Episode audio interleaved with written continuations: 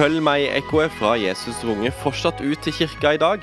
Sammen vil vi utforske hvordan det ser ut å høre og gjøre Jesus. Du hører på Re Jesus, og jeg heter Geir Loftesnes. Det sies jo at eh, det enkle ofte er det beste. Men er det å forenkle òg ofte det beste? Live og Kjetil de, de forlot eh, nesten alt de eide for å følge etter Jesus i en fremmed kontekst. Er dette relevant for flere av oss? Hør på dette.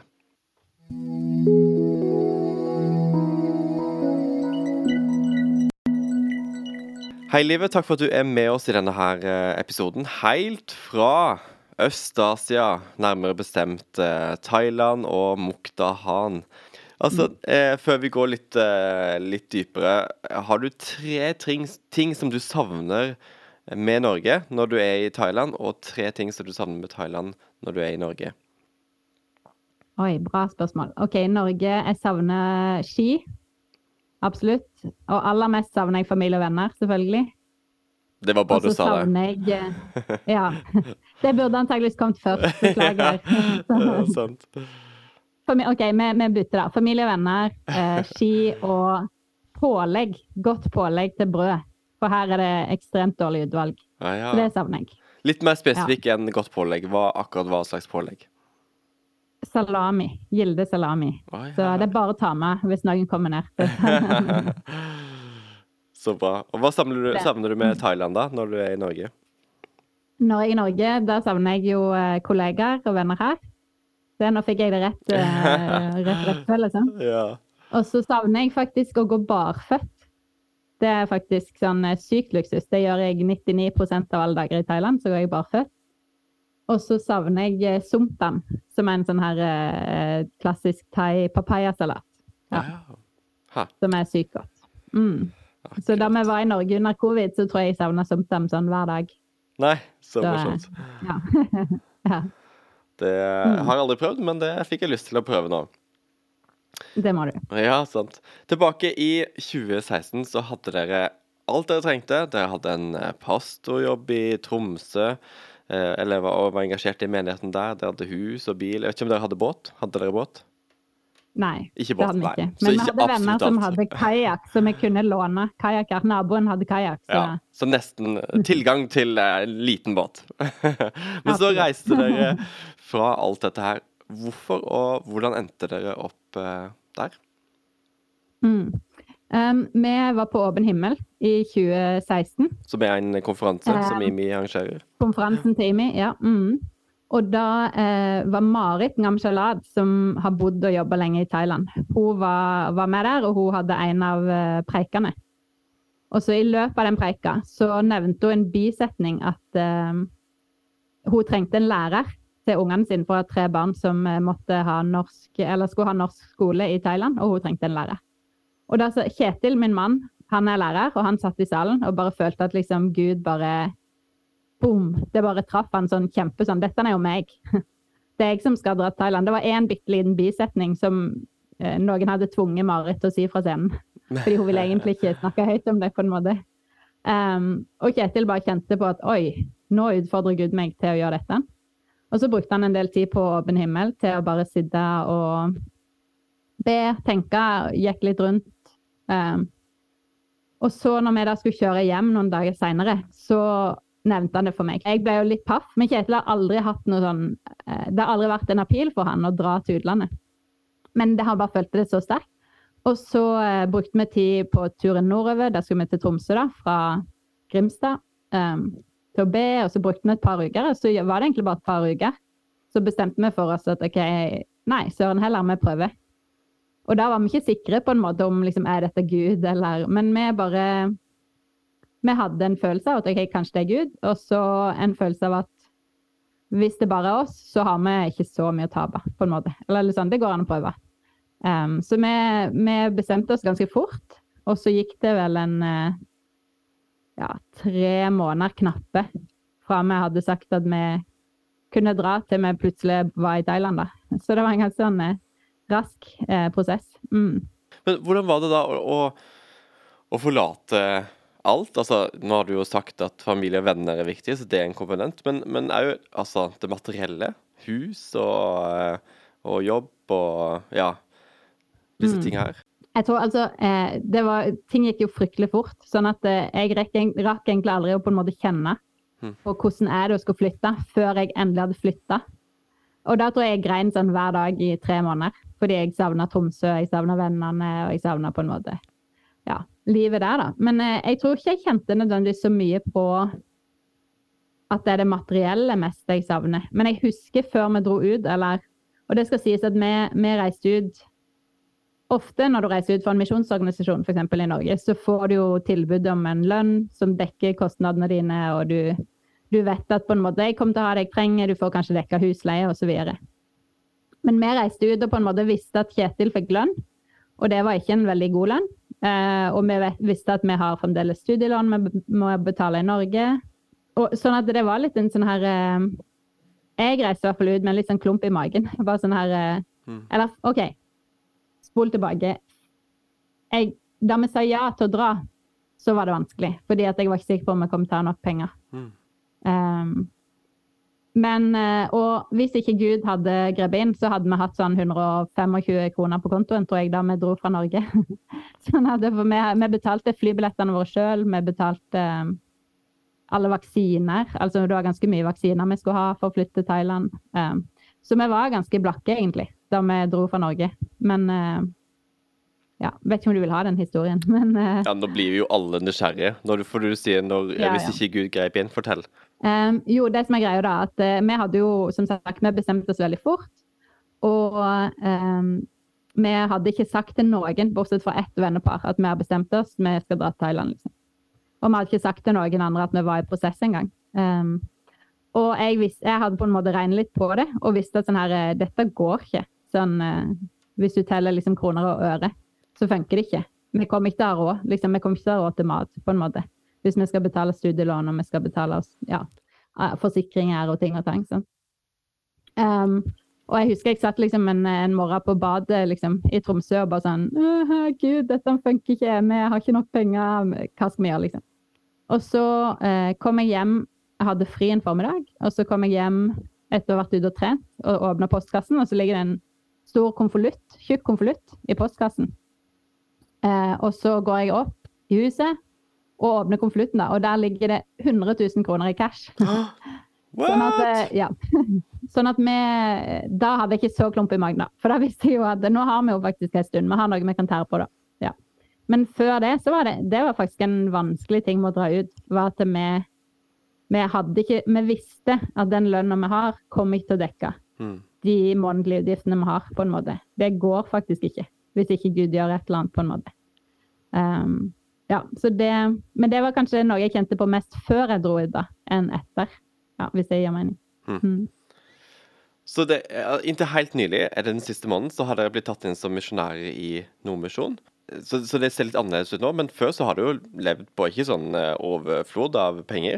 Eh, hva, hva, og sånn som du forteller, altså helt i starten så var det jo veldig mye usikkerhet eh, rundt dette her. Men hvilke, hvilke perspektiv har Mm. dere på, på penger og, og trygghet og, og pensjonsordninger og sånne ting, når dere har vært i denne fasen Mm. her? Oi, hvor lang tid har jeg? Nei da. For det, det er jo ting jeg har på en måte måttet reflektert meg rundt. Um, for det, er en sånn her, det du trekker fram med pensjon, f.eks., er et sånt spørsmål vi ofte får stilt. Mm. Hva tenker dere om det? Ok, Nå har dere vært ute ganske lenge. Før det så jobba jeg i Nordkirken i Tromsø og hadde ikke full stilling da heller.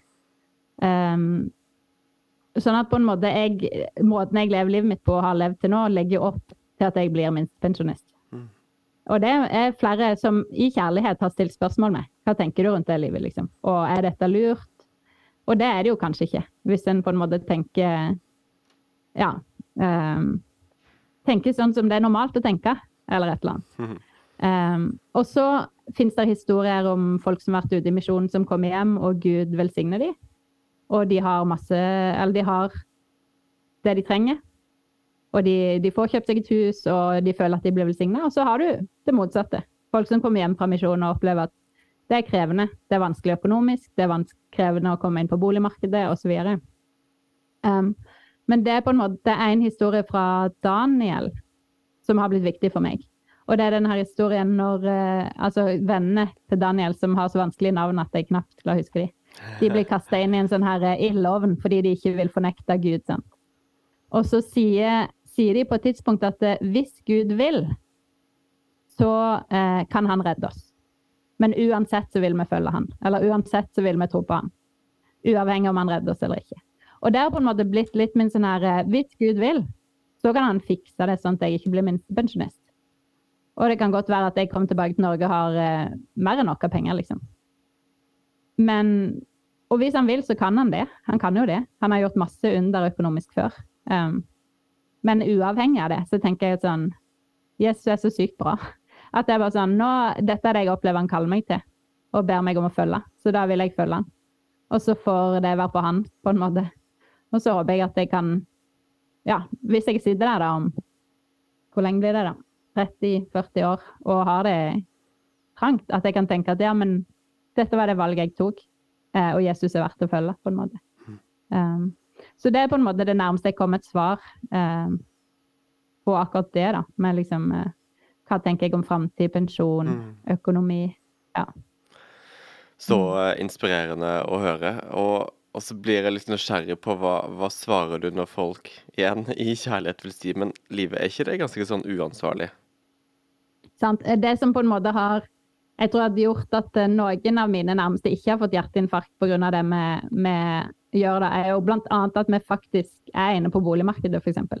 Ja. Mm. Og det gjør det jo litt sånn her eh, Det gjør det litt tryggere. Mm. Um, og det, ikke, det betyr jo ikke at vi ikke kommer til å bli minstepensjonister. Uh, og det kan godt være at boligmarkedet knekker. Altså det er litt den her at det er sånn hva setter vi sikkerheten vår til uansett? Mm. Uh, men mange blir litt sånn Jeg tror at til mange så svarer jeg på en måte litt til de her sånn Ja, men det kan være det går bra fordi vi eier et hus, og så Og de som uh, Fordi det høres jo helt hvis jeg, sier, jeg tror hvis jeg forteller den historien som jeg nettopp sa til deg, da, at ja, men jeg vil følge Gud uansett, så tror jeg mange blir bare sånn her Ja, men det er bare dumt, livet. Eller sånn. Ja. Sånn, det er ikke alltid jeg drar den historien, da. Men, men for de som vil høre hva jeg faktisk tenker, og hvorfor jeg gjør det jeg gjør, Mm. så, så er det gjerne det jeg vil fortelle. da. At på en måte, ja. Jeg vet ikke hvordan det kommer til å bli, men jeg tror at Jesus er verdt å følge likevel. Så fint å Mm. høre. Og dette handler jo eh, Dypt nede der så handler det om, om kall. Eh, at dere har opplevd at Gud har kalt dere, at han har sendt dere til dette stedet, eh, og at det ligger en, en trygghet òg i det. Men hva har det betydd for dere å følge dette kallet? Hva, hva, har, dere gjort, hva har det gjort med dere å, å si, si ja når dere opplevde at Gud har utfordra på dette her? Mm.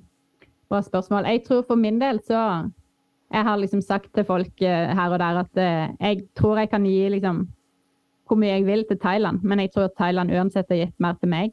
Um, for jeg merker at de åra jeg har, bodd i Thailand, så har det bare Det har formet meg veldig mye. Det har betydd utrolig mye for min egen reise med Jesus. Min egen forståelse av eh, hvem jeg er, hva som er grunnlaget for min verdi, min identitet. Merker at jeg er, liksom, jeg er på et helt annet sted i forhold til mange ting som jeg strevde med før. Um, så det har egentlig for meg vært med å helbrede mange ting. Um, og så har det vært tøft. Det er vondt og vanskelig å være langt vekke fra folk. Uh, det, det er sårt at ungene mine vokser opp så langt unna besteforeldrene sine, f.eks. Men jeg tror allikevel at liksom Jeg sitter definitivt igjen med mer. Um, Kanskje ikke økonomisk. we'll see. Og jeg vet at dere har eh, fått bety masse for eh, mennesker og for arbeidet der i Thailand. Eh, samtidig som du sier, dere har jo fått mye igjen. Men så har jeg tenkt på dette her. Hva om det å følge kallet, eller si ja til at Gud kaller oss, ikke nødvendigvis bærer så mye synlig frukt? Altså det er ikke synlig, eller det, det, det er ikke sånn at eh, folk ser veldig tydelige resultater, eller du sjøl ser veldig tydelige resultater. Ka, kan man likevel være på riktig vei da? Mm. Bra. Jeg, eh, jeg har lurt på det samme sjøl noen ganger. Naturlig nok. Men jeg, eh, igjen da, jeg bare elsker å dra fram historier fra Bibelen i det. da. Og for meg så har eh, Ananias fra um, Apostlenes gjerninger Han er den som går til, til Paulus uh, og på en måte gir, ja, helbreder synet til Paulus, og det er jo Gud som gjør det. Men Gud bruker Ananias for å på en måte fortelle Paulus noe om hvem Gud er, for å helbrede han, for å sende han ut, fortelle han hva som er oppdraget hans. Og så hører du egentlig ikke noe mer om Ananias senere. sant? Um, og jeg har tenkt litt sånn her Ananias gjorde den ene lille tingen, men uten Ananias så ville det ikke vært noen Paulus. Mm. Hvis ingen hadde hatt vilje til å gå til Paulus, så er det jo faktisk ingen Paulus som har gått til alle de andre, da. Og jeg på en måte elsker å tenke på meg sjøl som kanskje jeg er litt bare en sånn liten Ananias. Men da kan jeg på en måte, det var en som sa det, at det er Ananias han kan på en måte bare telle alle Paulus har nådd, pluss én til. um, og jeg på en måte elsker det perspektivet, at jeg er, jeg er bare en liten brikke i et stort puslespill. sant? Og det kan være at min brikke betyr altså det, det er ikke den største delen av bildet, men den betyr noe. Og den kan være med på en måte ja, Kanskje jeg betyr noe for noen, som betyr noe for noen, som betyr noe for noen. Um, altså når du ser det på en måte som Når du ikke ser på deg sjøl som en helt sånn isolert enhet, men som del av en større historie, da, så tenker jeg at det er vanskelig å si 100% ok, hvor mye har mitt liv båret frukt. Men når du ser det gjennom generasjoner, da, ja, ser det i en større historie, så tror jeg på en måte Eller det har i hvert fall blitt sånn veldig trøst for meg. At jeg ikke er sikker jeg ser de store fruktene nå, men, men at Gud da bruker det som jeg har fått bety, og multiplisere det på en måte. Mm. Så fint uh, perspektiv. Vi snakker jo om det å forenkle i uh, denne poden uh, nå. Hvordan vi kan gjøre mm. livene våre enkle for å gi rom for det viktigste. Betyr det, det, det, å forenkle, betyr det alltid at livet vil bli bedre? Betyr det å følge Jesus, eller kalle, at det alltid vil være det alltid være det beste for oss? Oi, dypt spørsmål. Veldig mange gode spørsmål. Jeg tenker at det er jo litt sånn der igjen, da. Hva perspektiv er det du ser det i? Er det liksom enklere og bedre akkurat nå? Er det enklere og bedre i det lange løp? Um, jeg tror jo eh, Kanskje jeg er litt enkel, men jeg tenker jo at liksom å gjøre det Jesus sier, vil alltid være det beste. Og så tenker jeg det i en litt sånn evighetsperspektiv. At det handler jo ikke bare om det som skjer i dette livet her heller. Men at det er noe med liksom I et evighetsperspektiv så vil det være best. Og så hvem er det best for? Uh, er det bare best for meg? Jeg tror at uh, jeg har hatt mye igjen i å både ha en oppvekst der på en måte en, det enkle uh, har vært en ting. Der, og å få lov til å være en del av et fellesskap der vi har øvd oss på enkelhet. Um, så tror jeg det betyr mye godt for mitt eget liv, at jeg ser god frukt fra det nå.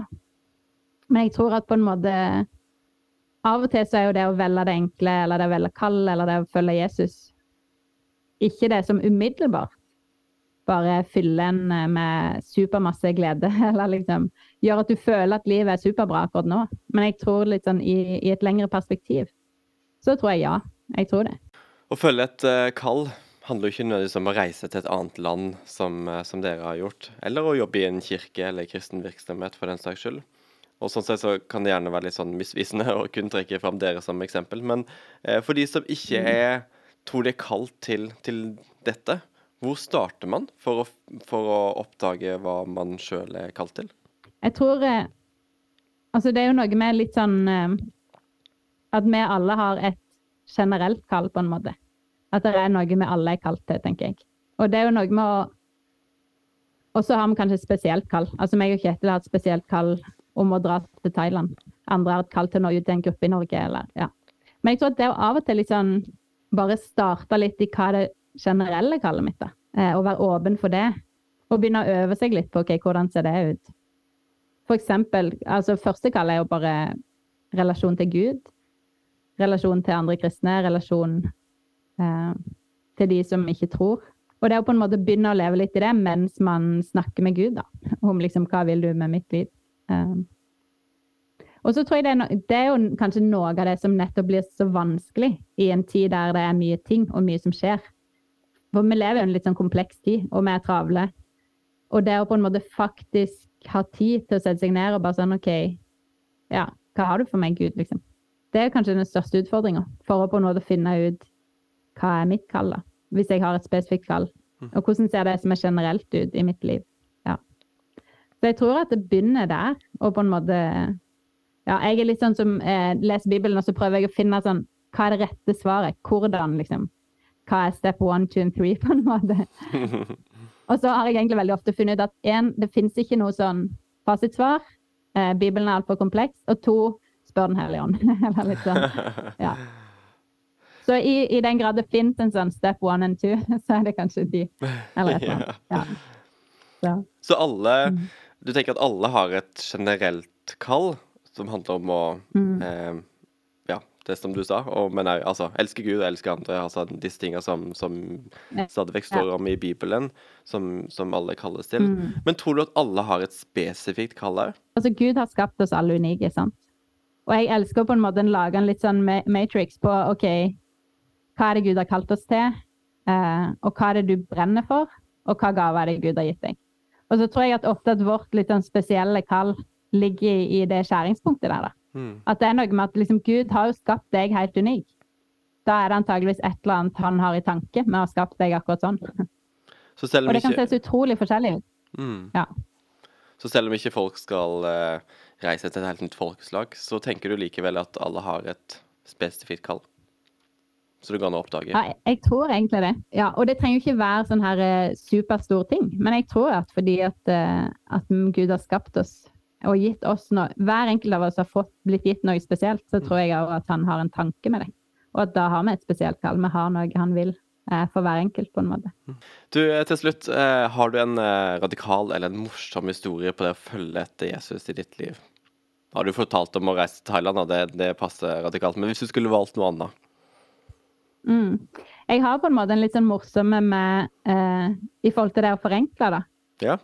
At eh, eh, som, som jeg begynte å tenke på her Det slo meg bare sånn for sånn 15 år siden eller noe sånt, så var jeg eh, del av eh, Nordkirken Tromsø og en veldig fin gjeng der. Um, og da begynte vi på et eller annet tidspunkt, jeg husker ikke hvordan dette var engang, men vi skulle på en måte øve oss på forskjellige eh, aspekter med det å følge Jesus. da. Alt fra liksom, eh, ja, 40 dager med fokus på bønn, eller 40 dager med ja. Og på et eller annet tidspunkt så, eh, så skulle vi øve oss på sjenerøsitet eller enkelhet. da. Og da på en måte utfordre vi oss sjøl på bare så Vi skal gi vekk 50% av det vi eier. Liksom 50% av alt vi eier. Sånn her, ja, 50% av alle bøkene, skoene, øredobbene, for meg kokebøker, f.eks. Um, jeg tror det faktisk har formet meg en del. Det er, på en måte, det er veldig få av de tingene jeg ga vekk da, som jeg har savna, f.eks. Eh, og så er det jo et faktum at måten jeg og Kjetil har levd de syv siste årene på, så har ikke vi hatt veldig mye penger. Så det er ganske mange ting vi ikke kunne kjøpt. Det, jeg syns bare Gud er kul, da. For det er akkurat som om en del av de tingene jeg merker at jeg har trengt når jeg er i Thailand, har han egentlig begynt å jobbe med meg mange år før vi dro til Thailand. Du, tusen takk for at du var med oss og delte fine tanker og refleksjoner. Kjekt å få eh, ja, snakke litt.